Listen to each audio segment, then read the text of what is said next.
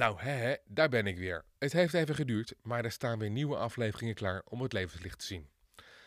De afgelopen maanden ben ik druk bezig geweest met het opnemen van een heleboel nieuwe afleveringen van Podcast Ui. En die ga ik vanaf Oudejaarsdag online zetten. Elke week een nieuwe aflevering. Er zijn alleen twee verschillen met de eerste serie. Het eerste verschil is dat ik overstap van de zondag naar de vrijdag om te publiceren. Ik heb flink wat onderzoek gedaan en daaruit bleek dat de vrijdag voor deze soort podcasts gunstiger is dan de zondag.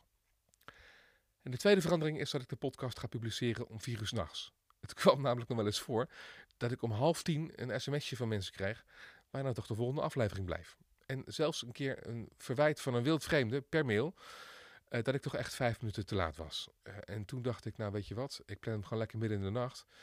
Dan kun je gewoon beginnen met luisteren als je wakker wordt. En bovendien, dat is ook een voordeel, staat hij dan meteen bovenaan de nieuwe afleveringen als je de app opent. Goed, wat gaan we doen deze serie? Nou, gewoon hetzelfde als altijd. Uh, goede verhalen van mensen die vielen en ook weer opstonden. Bijvoorbeeld een Joodse psychiater die concentratiekamp Theresienstad overleefde. Of een Nederlands kampioen schaatsen die er na jarenlang trainen achterkwam dat ze niet goed genoeg was voor de absolute wereldtop. En in een groot zwart gat belandde. Enzovoort, enzovoort. Speciale aandacht heb ik in deze tweede serie voor daders. Gewoon omdat ik dat ons super interessant vind.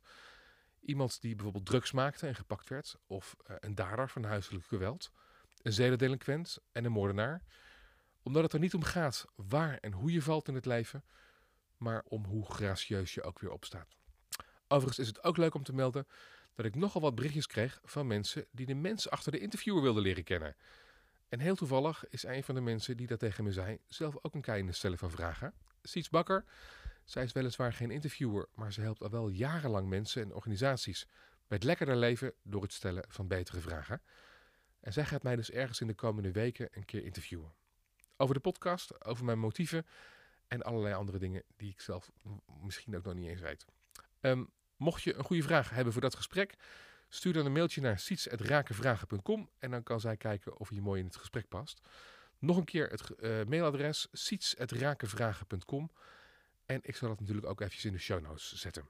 Voor nu wens ik je heel veel plezier met de allereerste aflevering die er binnenkort dus weer aankomt in de vroege ochtend van Oudejaarsdag. Geniet ervan. Tot dan.